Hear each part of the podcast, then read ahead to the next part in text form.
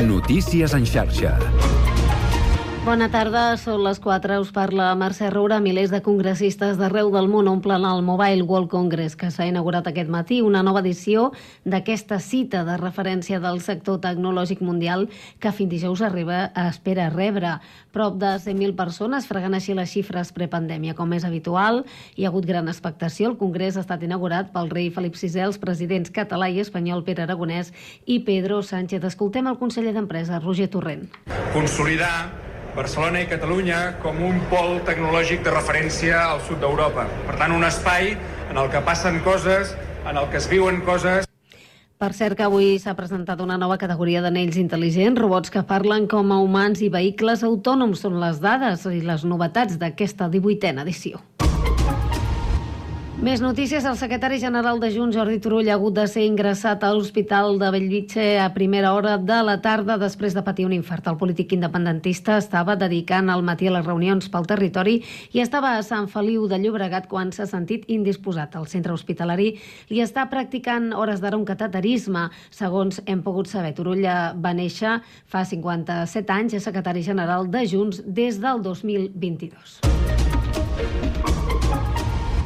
Plana política, el PSOE dona 24 hores al seu diputat José Luis Ábalos perquè dimiteixi i entregui l'acte. Arran de l'anomenat cas Coldo i a més vol que el Congrés de Diputats investigui la compra de material sanitari que va fer totes les administracions en temps de pandèmia. El PSOE celebra que hi assegura que Salvador Illa no té res a veure malgrat haver estat ministre de Sanitat. De moment, Ábalos sabem que ha presentat la seva dimissió com a president de la Comissió Interior, però no encara com a diputat, és a dir, que n'estarem pendents col·legis d'arquitectes, aparelladors i enginyers doncs facin un informe i una radiografia exacta que s'ha de sumar als informes que ja s'estan elaborant. Això té un cost que assumim doncs, més de la meitat nosaltres. En l'edifici que es va esfondrar sabem que de forma immediata hem de buscar un reallotjament que vagi més enllà d'un termini curt de temps.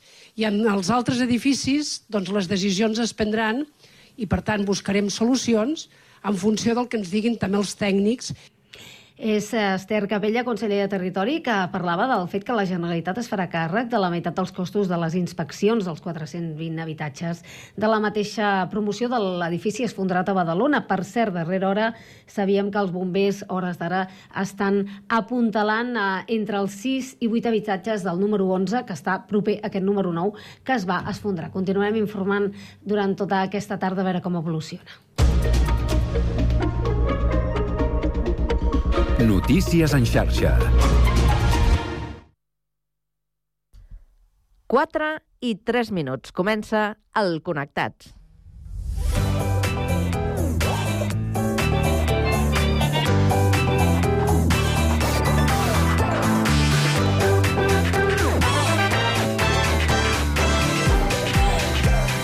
Connectats amb Carme Reversa.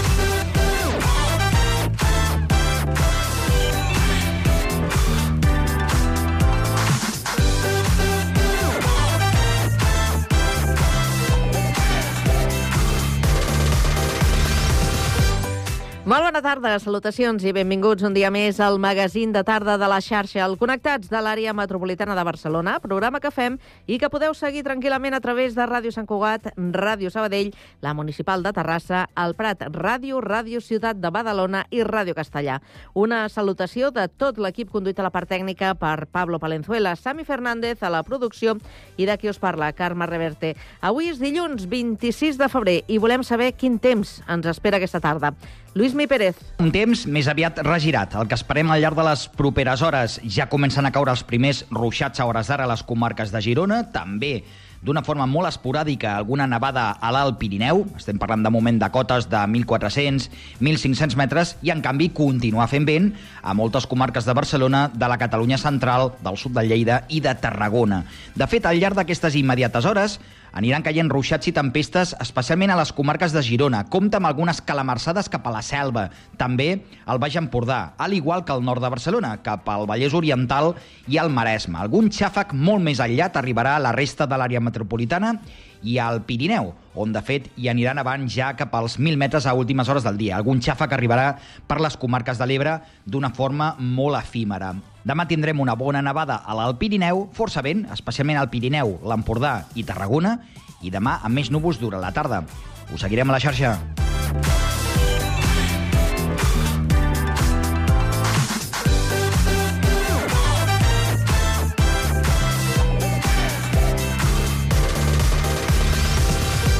Bé, doncs avui al Connectats parlarem d'una de les conseqüències que ens ha deixat la pandèmia, l'empitjorament de la visió. Ho farem amb Salvador Alzina, president de Visió i Vida. Acabarem la primera hora amb la tertúlia esportiva per analitzar l'última jornada de Lliga, la classificació de l'equip femení de futbol per als Jocs Olímpics i la reaparició de Ricky Rubio amb la selecció espanyola de bàsquet. A partir de les 5 coneixerem la cantautora sabadellenca Erin Heaven. Continuarem amb empresa per parlar de Tecnosport amb el seu propietari, Andreu Fadó. Acabarem amb cultura, també des de Badalona, per conversar amb Dana Darius, escriptora de novel·les romàntiques i infantojuvenils. Tot això i més des d'ara i fins a les 6 de la tarda a la vostra emissora local. Connectats? Comencem.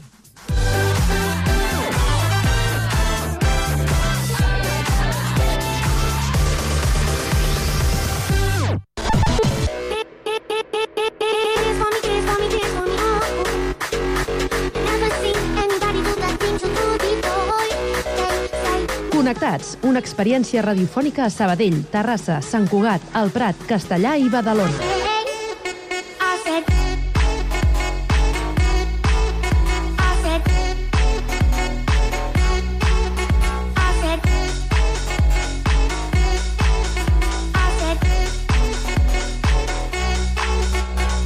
Connectats amb Carme Reverte.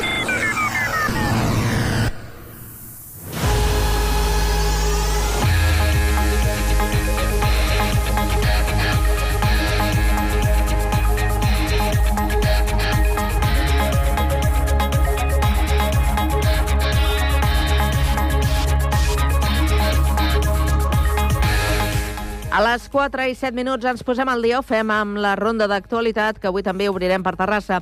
Sergi, també bona tarda. Bona tarda. L'Ajuntament de Terrassa treballarà per prohibir l'ús del mòbil als instituts. En l'últim ple municipal, gairebé per unanimitat, es van aprovar totes les propostes que l'Associació Adolescència Lliure de Mòbils va proposar en el torn d'intervenció ciutadana. Aquesta entitat, formada per famílies preocupades per l'accés cada vegada més prematur dels joves als smartphones, vol que les escoles i instituts siguin espais lliures de mòbils. Aquesta consideració ja s'ha portat fins a l'etapa de primària per part del Departament d'Educació, però no ho ha fet a secundària. Tots els grups municipals del consistori terrassenc en van donar suport en la seva totalitat a les demandes de l'associació, excepte el PSC. Els socialistes creuen que la prohibició no és la solució i defensen sobretot la formació per un bon ús dels telèfons intel·ligents. Adolescència lliure de mòbils també proposa campanyes de conscienciació als menors, activitats a les escoles sobre el bon ús dels mòbils i una xarxa de comerços segurs per facilitar la comunicació dels adolescents amb les seves famílies. Gràcies, Sergi. I ara seguim des de la CUC, capital del Vallès Occidental, a Sabadell. Pau Duran, bona tarda. Bona tarda. La demarcació de l'Ustec del Vallès Occidental ha denunciat que el Departament d'Educació no està implementant com toca el decret de l'escola inclusiva. Afirmen que actualment els centres pateixen una manca d'inversió econòmica, un fet que deixa els alumnes amb necessitats especials fora d'aquesta inclusió. En una entrevista al Cafè de la Ràdio, el delegat sindical de l'Ustec al Vallès Occidental, Sami Planes, ha posat un exemple d'aquesta discriminació envers els infants amb necessitats especials. El decret d'inclusiva és un decret que està molt ben molt ben pensat i nosaltres uh, hi creiem molt, no? I, i de fet totes les famílies, uh, si, si, si s'ho llegeixin, si, estarien super encantades, no? Però no s'està uh, desenvolupant, no s'està uh, implementant aquest decret i s'està quedant en coses molt, molt reduïdes, específiques, per atendre alumnat amb necessitats específiques eh, i, i, i no s'està donant una resposta globalitzada. El sindicat ha fet aquest matí un acte informatiu a l'escola Font Rosella del barri de la Concòrdia. Gràcies, Pau. Anem ara fins a Litoral. A Badalona ens informa Santiago Espasa. Bona tarda, Santiago. Bona tarda, Carme. Doncs la Generalitat es farà càrrec de més de la meitat dels costos de les inspeccions dels 420 habitatges de la mateixa promoció de l'Esfondrat al carrer Canigó. La consellera de Territori Esther Capella ho ha avançat després de la reunió del comitè de crisi celebrada aquest matí on per primera vegada s'han trobat l'Ajuntament, la Generalitat i la AMB. El consistori i el govern català treballen per signar un conveni el més aviat possible per inspeccionar els edificis i arribar als motius de l'esfondrament. Ho faran juntament amb els col·legis professionals d'arquitectes, arquitectes tècnics i enginyers. Tot i que han preferit no donar gaires detalls, la consellera i l'alcalde Xavier García Albiol han explicat que la intenció és obtenir una fotografia de l'estat dels habitatges i donar solucions a les famílies afectades en funció de les circumstàncies personals. Escoltem l'alcalde. Què és el que hem de fer? I el que hem de fer, quant de temps tardarem en poder-ho fer? I el segon és, en aquests moments tenim eh, 70, més de 70 persones que estan fora de casa seva i en funció de quin sigui el diagnòstic tècnic i el temps que es necessiti per tornar a la normalitat dels seus habitatges, si es pot tornar, doncs aquelles famílies que ho necessitin, doncs veure com eh, resolem entre tots aquesta problemàtica. En la mateixa línia, Capella ha anunciat sense concrecions que l'Agència Catalana d'Habitatge buscarà solucions a les demandes dels afectats. Gràcies, Santiago. I continuem encara al litoral. Al Prat de Llobregat, Víctor Asensio, bona tarda. Bona tarda. Marie Curie, Margarita Salas, Jane Goodall. Elles són algunes de les dones científiques que, en moltes ocasions, les seves aportacions en els diferents avenços dels seus camps han estat invisibilitzats i fins i tot apropiats pels seus companys de professió. És per això que, en motiu de la celebració del Dia Internacional de la Dona i la Nena a la Ciència, que va ser el darrer 11 de febrer, durant les últimes setmanes, l'alumnat de l'Escola del Parc, al Prat de Llobregat, han estat treballant la importància del paper de la dona en aquest àmbit al llarg de la història. L'alumnat s'ha endinsat en els experiments i la vida d'algunes de les dones científiques referents i les ha visibilitzat en una exposició al Centre Cívic Palmira Domènech, titulada Les dones fem ciència, gràcies a la col·laboració també del centre i de la Comissió de Coeducació de l'Escola. L'exposició es podrà visitar fins al pròxim 10 de març, en horari d'obertura del centre cívic, i aprofitant aquesta temàtica, la Biblioteca Antonio Martín també ha fet un recull de llibres per conèixer amb més profunditat aquestes científiques. Gràcies, Víctor. I de retorn al Vallès ens quedem a Castellà. Guillem Plans, bona tarda. Bona tarda. Enxampats és l'exposició que es pot visitar des del passat diumenge a l'Albocat Espai Cultural. Es tracta d'una mostra de fotografies dels anys 20 del segle passat fetes per Vera, Ventura i Miró, un castellarenc nascut l'any 1905 que va ser un apassionat de la fotografia. El seu fill, Francesc Ventura, ha rescatat el vast fons fotogràfic i ha seleccionat algunes de les imatges més representatives. Gràcies, Guillem. I abans d'acabar, un repàs de l'actualitat de Sant Cugat amb Sami Fernández. Bona tarda, Sami. Bona tarda. Sant Cugat s'ha convertit en l'epicentre europeu de debat amb l'Assemblea Regional de l'European Youth Parliament, amb la participació de més de 150 joves vinguts de tot el continent aquest diumenge al Casal de Joves de Torreblanca. Aquest òrgan, creat fa més d'una vintena d'anys, vol edificar el rumb de les polítiques de joventut per a Europa. La ciutat ha acollit aquest esdeveniment des de divendres fins a diumenge, amb diferents debats centrats en la digitalització, l'educació o la crisi climàtica. Sentim l'alcalde Josep Maria Vallès. Hem recuperat Sant Cugat perquè fa molts anys aquesta jornada ja es va fer aquí, l'han tornat a portar, impulsada des de, des de dos joves santcugatencs. Uh, crec que és molt necessari, absolutament necessari, la mirada jove. No només la mirada, sinó la implicació jove. Saps que a Sant Cugat tenim diferents consells, tenim el Consell de Joves, que al final doncs, treballa i ens ajuda a fer una ciutat millor, perquè el futur al final és dels joves, no?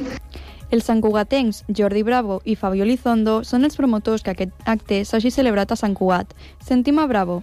Doncs per Sant Cugat la veritat és que ha sigut una innovació, perquè nosaltres, la nostra associació, el Parlament Europeu dels Joves, vam néixer aquí a Sant Cugat fa quasi 20 anys i ens hem tornat a reinstaurar. Hem aconseguit que tot, la veu de tots aquests joves sigui escoltada, i tot des del consens i des del diàleg. Avui hem tingut l'arribada de diversos ponents institucionals que precisament han fet bastant èmfasi en tot això, és a dir, que tot és possible des del consens i del diàleg. Després d'aquests dies intens debat, s'extrauran diferents conclusions que es faran arribar a l'Assemblea Internacional d'aquest òrgan.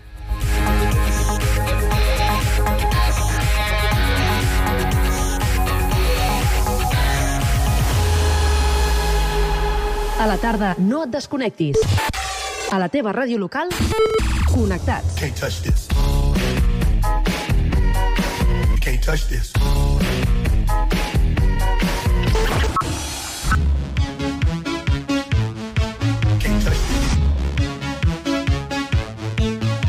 This? Connectats amb Carme.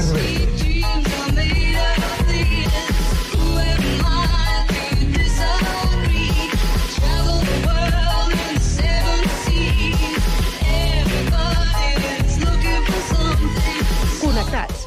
Una experiència radiofònica a Sabadell, Terrassa, Sant Cugat, El Prat, Castellà i Badalona.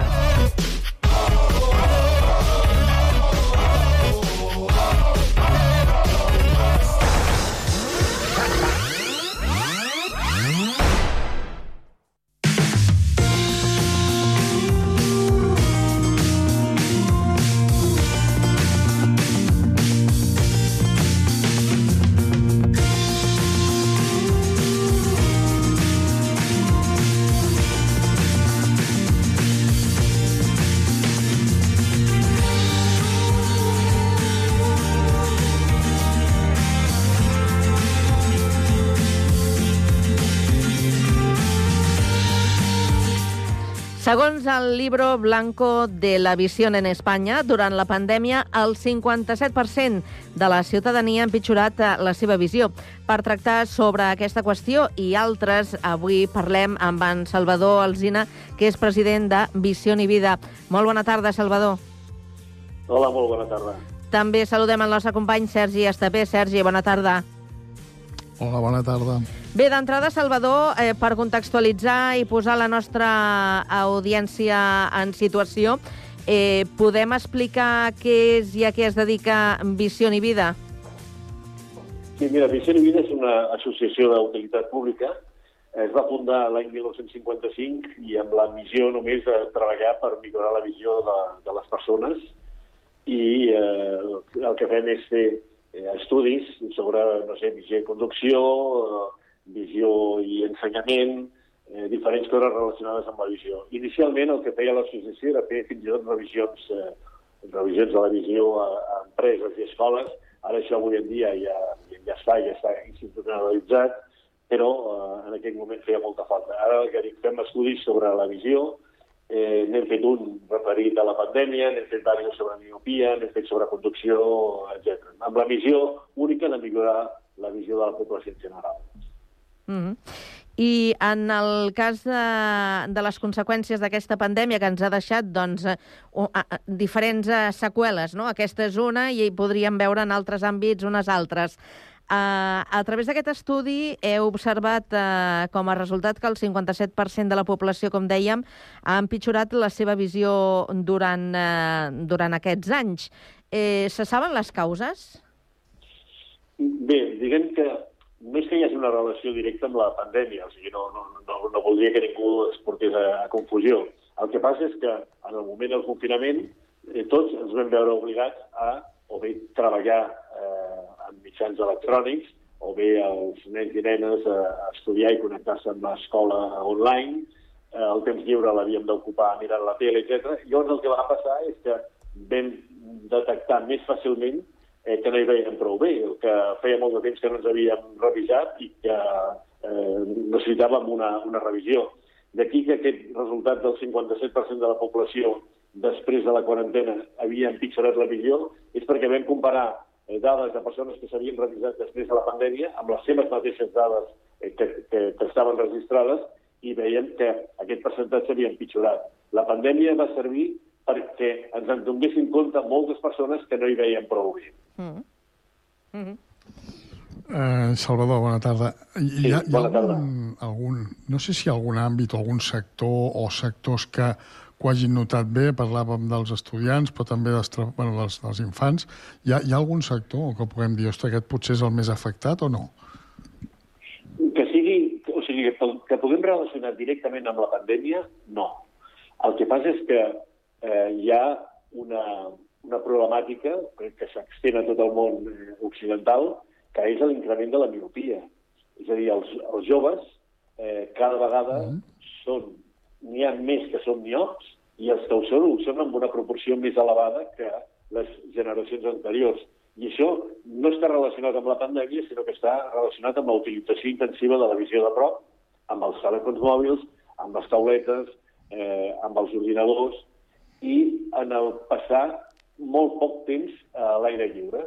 Una de les millors solucions, o una de les millors eh, receptes per evitar increments de la miopia és passar força temps al, a l'exterior. Si ens passem tot el dia mirant de prop, els nostres ulls s'acostumen eh, en aquest esforç i es van convertint en miops de mica, de mica en mica. El que ens ha afectat més que la pandèmia en si és el fet de que cada vegada utilitzem molt més la visió de, de prop en, en el nostre dia a dia, siguem estudiants, siguem treballadors o fins i tot a la gent gran. Perquè seria la, la miopia, l'afectació la, o, el, o el que la malaltia, o com podem dir, de la vista que s'ha incrementat més des de llavors, o, sí. o n'hi ha altres? No, no, sobretot la miopia. La que més eh, ha augmentat és la miopia, per aquesta utilització intensiva de la visió de, la visió de prop. Eh, hem fet diversos estudis sobre miopia, eh, parlaré amb dades de, de memòria, però vam fer-ne un en concret en el que vam, eh, vam comparar la, la miopia dels estudiants universitaris actuals amb la, el grau de miopia amb estudiants més o menys de primària. Eh, com que teníem dades d'aquests estudiants eh, universitaris, vam veure que els més petits eren més miops del que eren aquests universitaris quan tenien la seva edat, i, o sigui, n'hi havia més i, a més, la, seva, la correcció que requerien també era més alta que la que havien requerit aquests universitaris. O sigui que eh, això ens va demostrar que la miopia va en augment, fins al punt que l'Organització Mundial de la Salut eh, va declarar la miopia com la pandèmia del segle XXI. Ho va declarar una miqueta abans que vingués la pandèmia del Covid-19, però el Covid-19 més o menys ha passat del tot, però la pandèmia de la miopia no ha passat. Hi ha països, sobretot països asiàtics, perquè aquí també hi ha eh, efectes d'altre tipus que, que influeixen, efectes fins i tot eh, genètics, però hi ha països eh, com Corea i així, en el que els joves estan a un nivell d'un 95% de, de miopia. Eh, i, I la miopia en si diguem, és, és una que es pot corregir quan és un valor petit, però eh, si augmenta el seu valor, la correcció que es necessita, a partir de 6 dioptries, que és la, la mesura eh, d'aquesta correcció, es converteix en un problema patològic. Ja no és un problema de, de visió, sinó que és un problema de que l'ull s'ha anat, fent, anat estirant, per dir-ho d'alguna manera, i això pot provocar altres problemes de desprendiment de retina, etc etc a, a, a mesura que passa el temps i pot convertir-se, llavors ja no en algo que es pot compensar, sinó en una malaltia. Mm -hmm. Hi ha un concepte que, que, he trobat buscar informació sobre el tema que es diu és l'ull Covid. Això existeix? És, és, hi ha alguna de cert que hi ha un ull, que, que aquest concepte és una cosa evident o no? Jo, jo no, no sabria dir-ho, perquè no, aquest, aquest concepte jo no l'he vist, però realment uh -huh. la Covid no va, no va afectar directament a la visió, sinó que eh, el que va afectar és allò que la Covid va comportar, que és no sé, coses com el teletreball, que, que, que, que no n'havíem pràcticament ni sentit parlar i que es va convertir en un hàbit durant molt de temps i encara hi ha gent que continua teletreballant, i la utilització de, de dispositius eh, per visió de prop. O sigui que no és, com, com deia al principi, no és que la pandèmia del Covid-19 ens afectés a la visió, sinó que per un costat ens va fer donar-nos compte de que no hi veiem prou bé, els ulls, i per l'altre costat va empitjorar la nostra visió si ja teníem algun problema visual eh, per eh, estar utilitzant la visió de prop molt de temps. I com a tercer factor, com que no podien sortir, la llum natural la veiem molt poc i això també és un factor que incrementa eh, principalment la miopia. Però altre tipus de problemes, diguem, ja més eh, oftalmològics, com glaucomes desprendiments de retina o degradacions maculars, etc., això no hi ha, que jo conegui, no hi ha cap relació amb la, amb la pandèmia del Covid-19. Salvador, davant d'aquest eh, panorama tan tremendo que, que ens eh, trobem, mm, amb aquesta miopia creixent, eh, no sé si, si hi ha opcions de, de revertir aquesta tendència o, en qualsevol cas, què és el que podem fer o què podem aconsellar perquè això no vagi a més? El que podem fer és eh, revisar-nos sovint la nostra recomanació seria que en els nens i nenes petits, eh, com a mínim un cop a l'any, perquè el seu ull ja està en evolució. D'aquesta manera, si es detecta un principi de miopia, es pot corregir i hi ha diferents maneres d'aconseguir que no augmenti. Eh? El problema de la miopia eh, no és portar ulleres, és, com deia abans, que augmenti moltíssim i que es converteixi en un problema eh, patològic. Per tant, la millor recomanació és revisar-nos els més petits cada any, els més grans també cada any, mm. i la resta com a mínim cada dos anys. Si ens revisem, ens detectaran qualsevol tipus de problema i l'especialista de la visió, sigui l'oftalmòleg o l'òptic-optometrista, ens donarà les recomanacions que hem de seguir per evitar que aquesta miopia eh, augmenti. I he dit abans que hi ha també factors genètics, o sigui, els fills de persones que són miops eh, tenen una mica més de possibilitats de ser miops que no pas els altres. Però si es detecta aviat, es pot aconseguir, diguem, frenar la miopia o evitar que augmenti més enllà de les sis dioptries. Salvador feia, feia incidència amb això de, de les revisions. A, a vegades la sensació és que, ho dic perquè, per exemple, respecte a anar al dentista o anar a altres facultatius, a vegades sembla com que la vista sigui, no sé si que no ens la cuidem prou o no li prestem l'extensió deguda. Eh, és així o, o no? Sí, és, és així. Nosaltres, encara que no queda massa bonic, diem que el problema de la visió és que quan no hi veiem bé no fa mal. Eh? Eh, I llavors, clar, quan un té un problema amb un queixal, eh, li fa mal i va, eh, i va a la clínica dental. Però fins i tot hi ha gent que no, que no se n'ha donat compte de que no hi, no hi veu bé. Com a experiència professional, jo he sentit un, un nen posar-se unes ulleres i dir no sabia que es podia veure tan bé. I clar, no ho sabia perquè no l'havia mm. revisat ningú. Eh? En aquests estudis que, que hem anat fent, hem detectat que molts nens són ells mateixos els que, els que detecten el seu problema visual. Ni els pares, ni els professors, ni les revisions pediàtriques han detectat cap problema. Eh, potser perquè era un problema petit, però quan més aviat es detecta, més aviat se li pot curar remei i evitar que, que s'incrementi. Hi ha diferents senyals de, diguem, menors que ens poden indicar que, que, sobretot en el cas dels nens i les nenes, que no hi veuen bé. Resseguir amb el dit quan estan eh, llegint, inclinar el cap, acostar-se massa en el paper, eh, etc. Llavors, si detectem una cosa d'aquestes, hem de fer revisar els nostres fills. Eh, els que estan en, en edat, diguem, laboral, com a mínim, eh, tenen, per temes de, de prevenció de riscos, etc., unes revisions periòdiques. La gent gran, el sistema sanitari, més o menys fa un cert seguiment, encara que hi hagi una certa saturació. Però quan els nens eh, no hi ha cap previsió de realitzar eh, revisions periòdiques. Nosaltres, quan ens hem, ens hem reunit amb l'administració, sigui l'autonòmica sigui la nacional, eh, sempre els he comentat que faria falta tenir un pla nacional de salut visual. Això vol dir que des del moment del naixement pràcticament fins al nostre últim dia tinguéssim preprogramades les revisions que hauríem de fer de la nostra visió. Tots hi estalviaríem, perquè Eh, un de cada tres casos de fracàs escolar està relacionat amb problemes de la visió.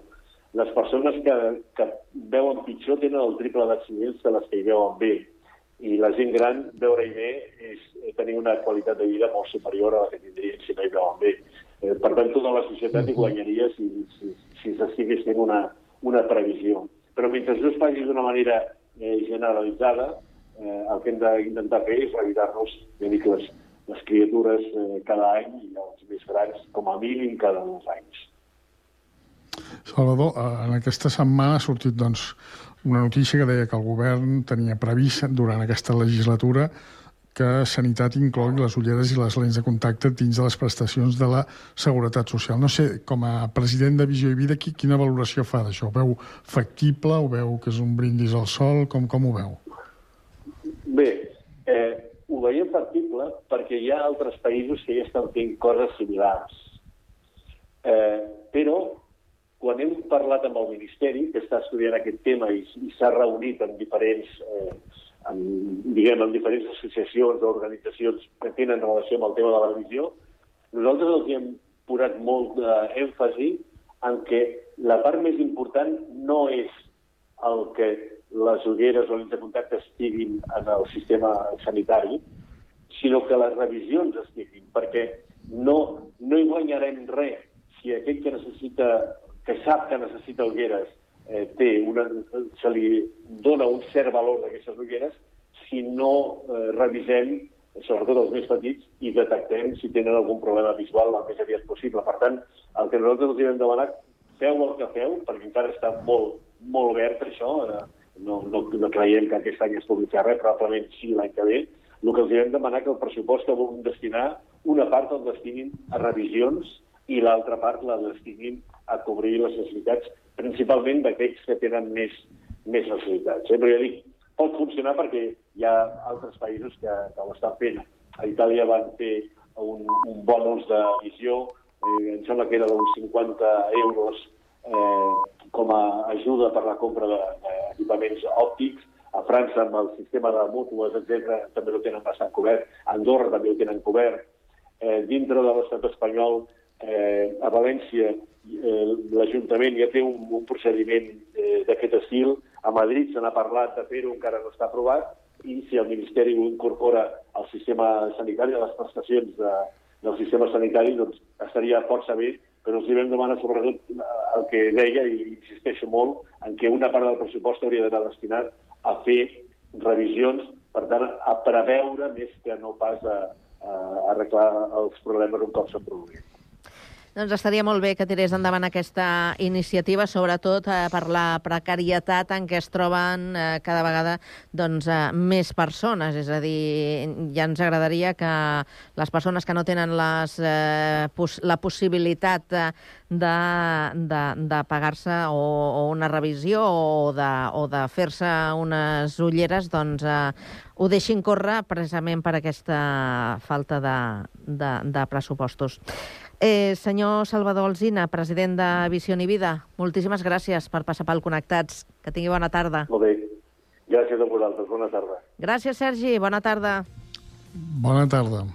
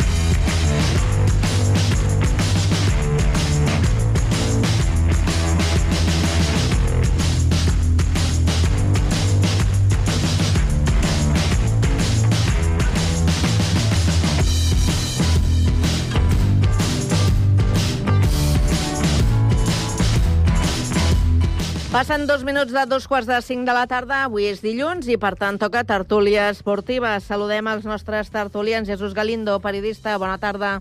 Molt bona tarda. Raül Chao, periodista, bona tarda. Bona tarda. I Miqui Romagosa, redactor de la Ràdio Municipal de Terrassa, bona tarda. Molt bona tarda des de Terrassa, què tal? Des de Terrassa, Sabadell i Sant Cugat, via telefònica en l'últim cas. Eh, M'imagino que, tot i que no hi ha massa canvis, tornem a tenir un partit pendent, un partit, eh, diríem que important per si poden haver canvis a, a la part alta de la classificació, que és el compromís del Girona, aquest vespre a les 9, amb el Rayo Vallecano. Eh, Barça, vam veure un Barça, podríem dir que ja una mica eh, diferent, un, una mica més agradable a la, a la vista, i un Madrid que ahir va, va patir. Eh, de totes maneres, sembla que grans canvis no n'hi no ha. Sí que m'agradarà que, que em digueu, per exemple, de, del Barça, si vau veure el partit, què us va semblar? Què vau... Quina sensació us va deixar el Barça? Jo no vaig veure el partit perquè aquella hora estava jugant al Sabadell i que va guanyar. I També. Estem, Mm. estem, estem molt bé. I Bona aleshores eh, després vaig, vaig veure el, el resum i em- jo destacaria primer una cosa, que per primera vegada en molt, molt de temps la Yamal no va jugar perquè no va ser necessari. I això és molt important. Intentar sumar la causa quants més jugadors possibles millor.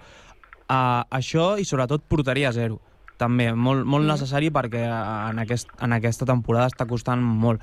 I això que el Getafe va, va tenir un pal, però és dir, és que el Barça va ser molt superior. Jo quan va acabar el partit del Sabadell vaig mirar això del mòbil, aplicacions, i quan vaig veure el 4-0 em vaig sorprendre, és a dir, perquè un Getafe de Bordalàs sempre és un equip que rocós, que té dos, dos Sí. línies al darrere, que té l'autobús posat allà i que costa bastant marcar gols, i fer qua- fer-li quatre crec que no, no és fàcil, i això parla molt bé de, de, de l'equip de Xavi, no? Aleshores, a veure si, si això continua, s'intenta recuperar quan més jugadors possibles, és a dir, per exemple, jo amb, amb en Joao Fèlix no compto, compto, no compto, no? és a dir, és un jugador que fa un partit bo cada 11, aleshores no, però Rafinha, Rafinha crec que és un jugador molt important, uh, tenia, també va descansar Pedri, és a dir, són jugadors molt importants i que Xavi els necessita d'aquí d'aquí i del futur. Mm. Eh, Miqui, el Terrassa també va guanyar, eh? Sí, sí, va guanyar 0-2 al camp de, de l'Andratx. Uh, faré un acudit molt dolent, si voleu. Què? Quin? No, que s'ha fet, s'ha fet, s'ha fet camí a l'Andratx. No seria la, el titular. bueno, doncs, victòria de... Ai, ai, que xiquitor. Estàs fet No, un és que xiquitor. clar, doncs això, que a part de la victòria al Terrassa, doncs la veritat és que el Barça, mm, a mi em fa gràcia Xavi, no?, que, que diu i utilitza una frase molt habitual dient que, o sigui, quan, quan les coses van bé es treu mèrit, eh, entre cometes de, del que pot ser la situació esportiva, o sigui, eh, diu que, que tot és perquè ell ha anunciat que marxa, o sigui, però indirectament està dient que ha sigut cosa d'ell. O sigui, d'una manera indirecta, no? O sigui, eh, jo crec que el, que el Barça està en un punt en el qual doncs, eh, donarà aquestes, aquestes versions tan i tan diferents. Sí. El que passa és que jo crec que el que marcarà al final una mica tot és el, la seva, el seu futur a Champions. Perquè a la competició de Lliga doncs tens una sèrie de rivals que han de fallar, que són el Madrid i el Girona, i en el cas de, de la Champions, doncs clar, eh, diguem que persegueix a, a, a Xavi Hernández quatre eliminacions d'Europa, no? Per tant, jo crec que la Lliga, més que una pressió, és, és una preparació per veure com el Barça pot arribar a aquesta, a aquesta Champions, al, al partit del Nàpols, que jo crec que, que és la finalíssima pel Barça. A veure si és aquesta la versió eh, que veiem, perquè si no és un equip... És un, és un partit entre, o una eliminatòria entre dos equips que, que es barallen per veure qui, qui ho fa pitjor. Però vaja.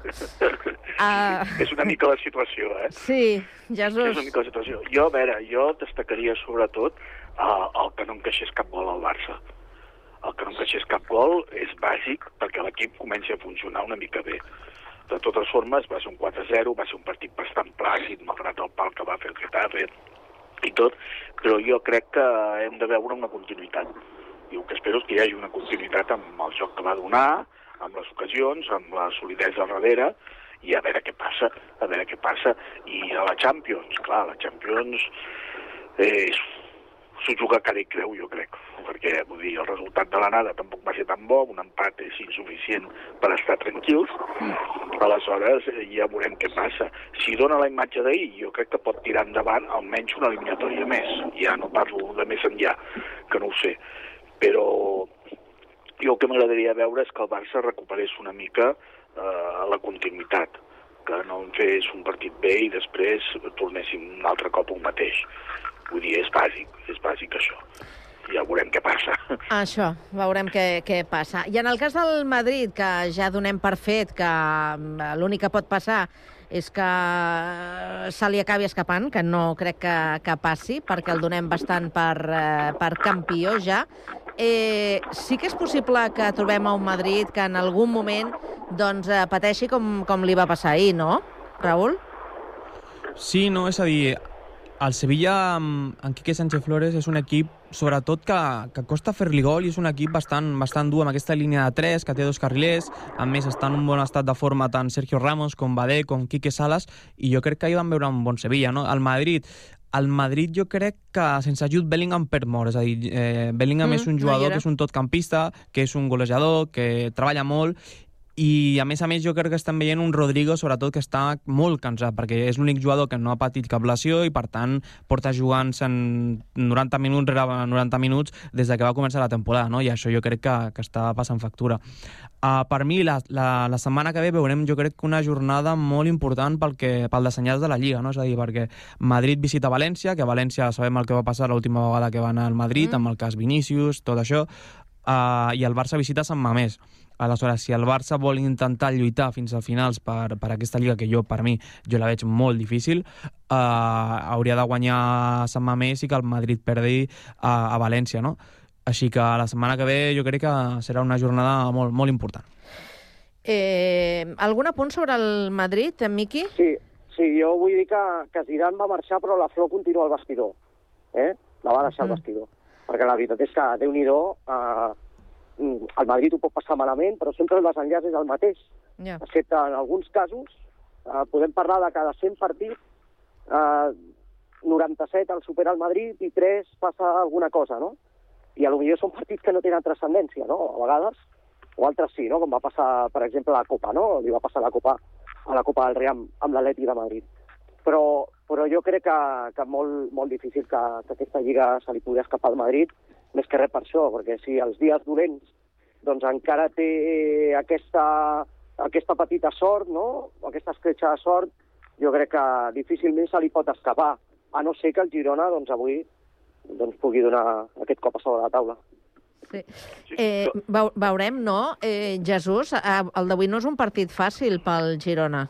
No, no és un partit fàcil i més que arriba després de tres partits en què no guanya. Mm. I té que recuperar una mica eh, la línia, la línia que portava. Sí que és veritat que, encara que no ha guanyat l'últim partit, va competir fins l'últim moment, va remuntar, bueno, no va arribar a remuntar-lo, però sí que tenia el resultat molt advers i s'hi va posar ja el partit fins al final i que jo crec que amb aquest esprit el Girona pot recuperar-se, pot refer-se. Jo crec que avui és un bon moment per tornar a guanyar i recuperar el camí de la victòria i continuar amb aquella línia de lluitar fins al final. També hem de destacar que no estava Mitchell a la banqueta, estava a la grada, no someteix el suport d'un entrenador per molt que vagi donant les instruccions des de la grada, allà amb un palco tancat, que des del camp, que posa el seu nervi, posa el seu... Jo crec que empenta molt els jugadors i jo crec que és un bon moment per recuperar una mica la línia que ens estava deixant i mantindre's allà a la lluita, a la lluita perquè a més s'ho mereix, tal com està jugant el Girona, malgrat aquests tres últims partits i tot, jo crec que es mereix estar lluitant fins al final perquè no es descuidi el Madrid i si el Madrid ens ho pega, posar-se allà un altre cop enganxat. Si el Madrid aquest any, si, aquest, el si el Madrid aquest any acaba en blanc, no us preocupeu que tenen Mbappé, que serà un altre trofeu, serà el trofeu d'aquest any. O sigui, jo I crec el que anirà Davis, que també diuen que l'ha fitxat. Ja. Sí, això sembla. Per això que si acaba el Madrid en blanc, dona la casualitat que, que el Madrid té allò un parell o tres de, de tardes dolentes i, i queda eliminat de Champions i, i la Lliga la guanya el Barça o el Girona, doncs eh, Mbappé serà el trofeu d'aquesta temporada. No, si fos per Luis Enrique segur que podria anar demà a jugar ja. No? Totalment. Sí, sí, sí.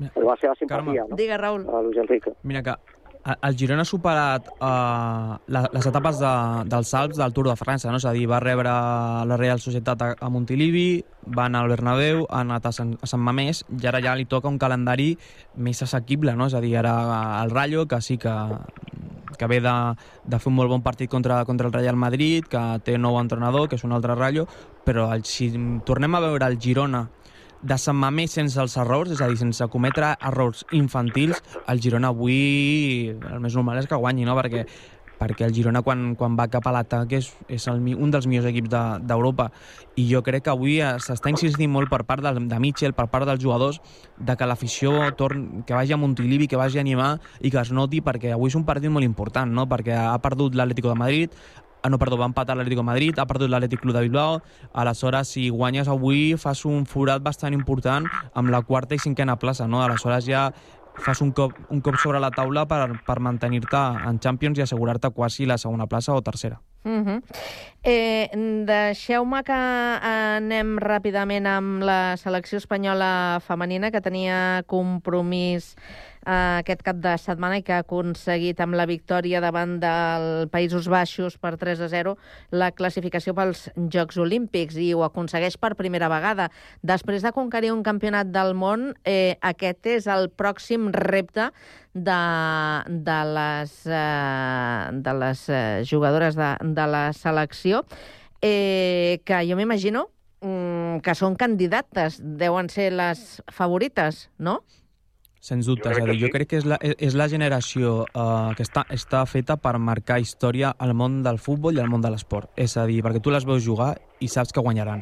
Tenen una superioritat, tant a nivell tàctic com a nivell de joc, com a nivell de tot, respecte a qualsevol selecció del món, que és abismal. És a dir, el partit contra, contra els Països Baixos, que és, és un 3-0, però podria haver sigut 7-0, és a dir, perquè Salma té tres mans a mans uh, davant la portera. Uh, Aitana Bonmatí, que juga, uh, uh, és a dir, juga una cosa increïble. Tens a Ona Valle, per, que entra per lateral dret, després juga per lateral esquerra, fa gol, uh, més Salma, que, que fa un mal quan juga davanter, i, te, i a la banqueta tens, bueno, és a dir, que estaven tocades tant Alexia com, com Tere, és a dir, que són jugadores que han sigut molt importants a l'anterior Mundial, no? Aleshores, eh, per la, pel partit de dimecres són favoritíssimes i pels Jocs Olímpics també. I això és, una, és, un, és un mèrit increïble.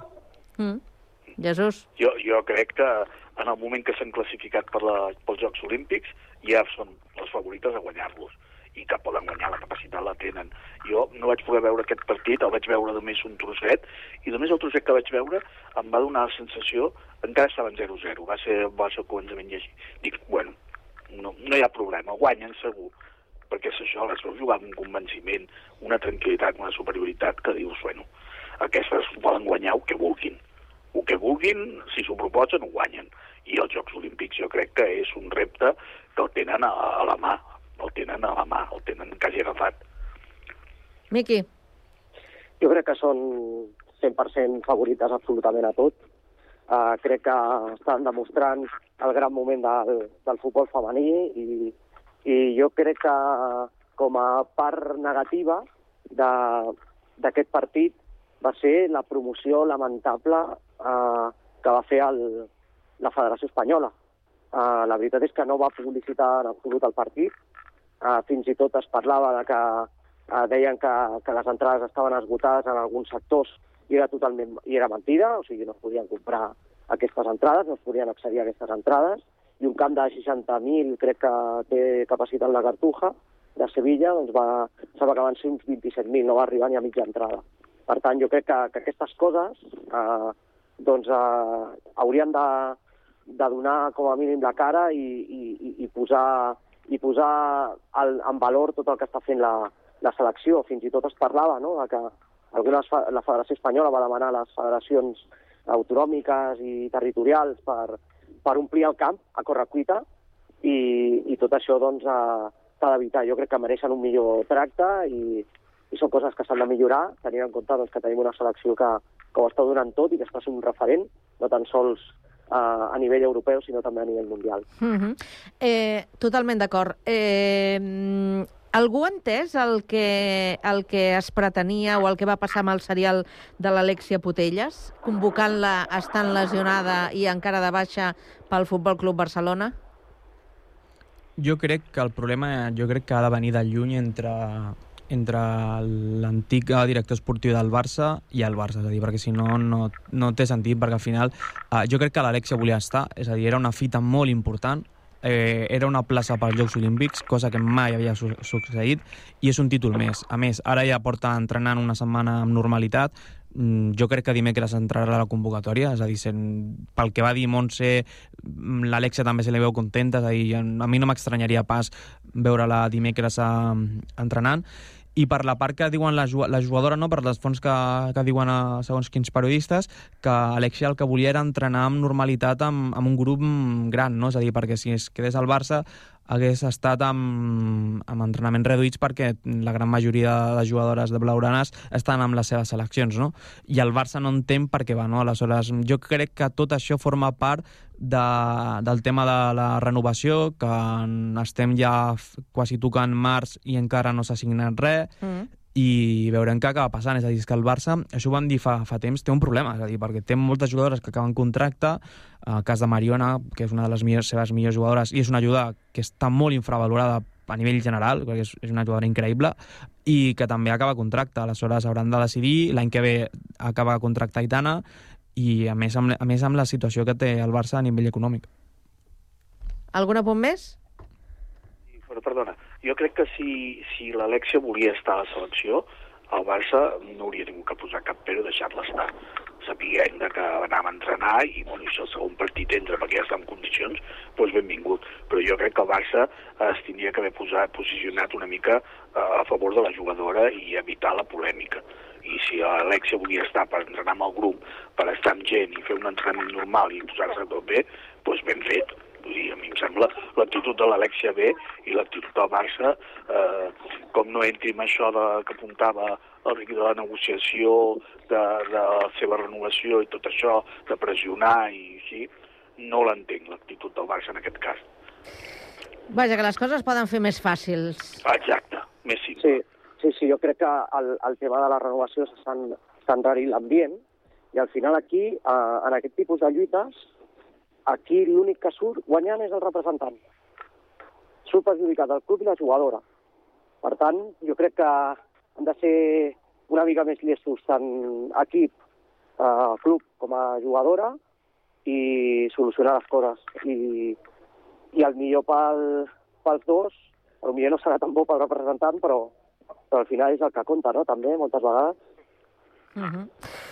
Eh, jo, jo faria, digues, una, digues, faria un apunt, és a dir, que jo crec que la jugadora sempre surt guanyant, perquè si no es queda el Barça tindrà ofertes i segurament millor pagades a nivell a Europa, Estats Units, Mèxic, que està, estem veient, per exemple, el cas de la jugadora del, del Madrid Club Futbol, que han fet el traspàs rècord, és a dir, que a, a Estats Units està pagant molts diners i la, recordem que Alexia ja té més de 30 anys, aleshores si et ve una oferta uh, de tants diners és difícil dir que no, perquè recordem que, que fa no res les jugadores del futbol femení no guanyaven res, és a dir, ara mateix està començant a, a guanyar diners que són els que es mereixen i aleshores fer ja amb una, amb una certa edat, si pot fer un últim gran contracte, eh, segur que el fa.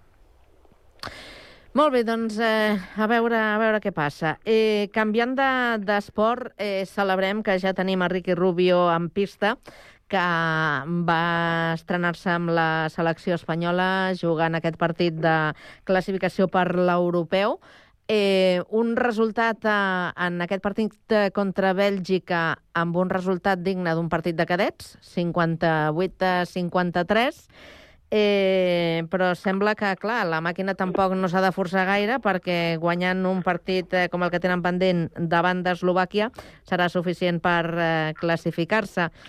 Eh, algú va poder veure aquest partit? Jo vaig, va- jo vaig veure el primer contra Letònia i el d'ahir Bèlgica vaig veure trossets. És a dir, però, bueno, em centro en la figura de Ricky perquè si parlem del bàsquet ja així en general, el bàsquet espanyol, això don- donaria per un llarg programa però em centro en la figura de Ricky. Eh, jo crec que, primer de tot, veure Ricky jugant a bàsquet és motiu d'estar contents, és motiu de felicitat i eh, Ricky és una persona en, que has d'admirar, és a dir, perquè si t'agrada l'esport i a l'has d'admirar i mm, ara, per exemple, ahir al partit contra Bèlgica, ell no juga a la segona meitat sencera perquè té una, té una petita sobrecàrrega al genoll, no? del Ah. genoll que es va operar dels creuats fa, fa un parell d'anys, perquè és un jugador que porta dos anys quasi sense jugar, perquè va retornar a les pistes al febrer del 2023 i al març del, dos, de, del mateix any va acabar la temporada perquè, o no, a l'abril perquè els uh, Cleveland Cavaliers van ser eliminats de, dels playoffs de la NBA i estava jugant bastant poc, no? i aleshores després ja va venir tot el problema de la salut mental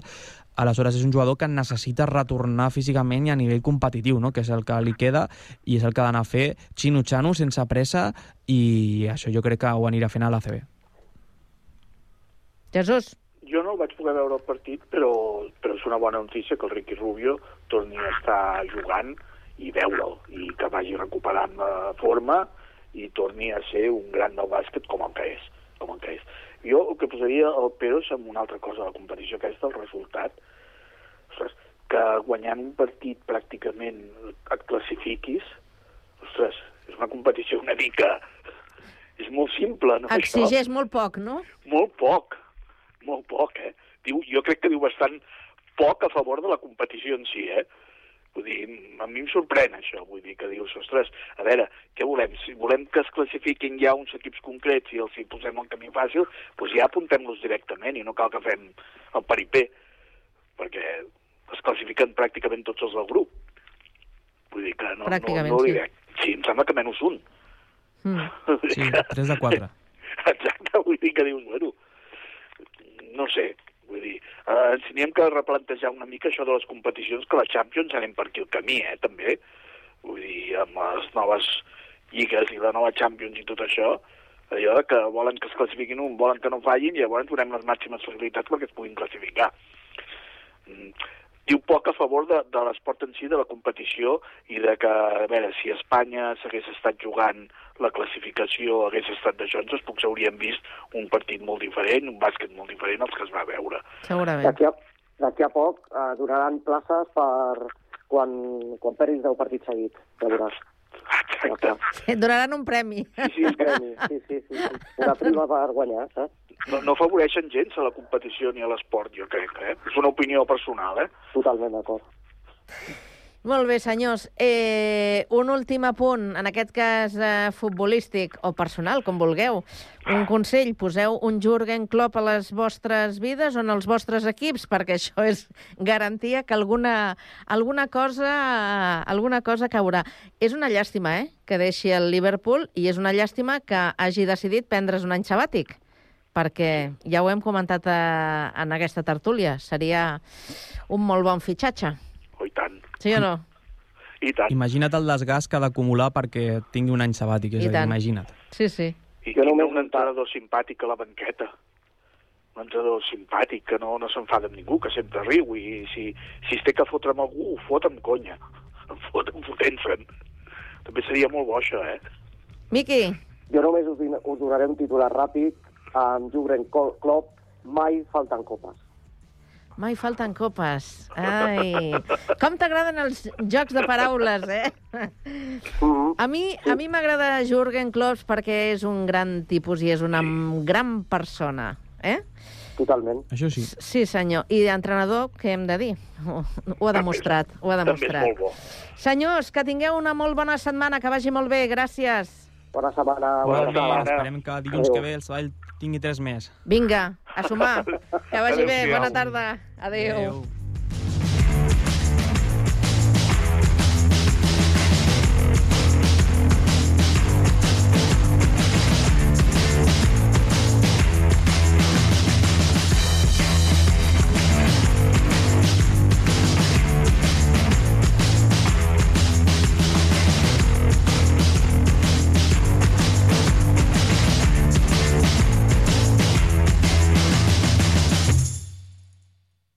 La banda sonora de la teva vida a Ràdio Sant Cugat.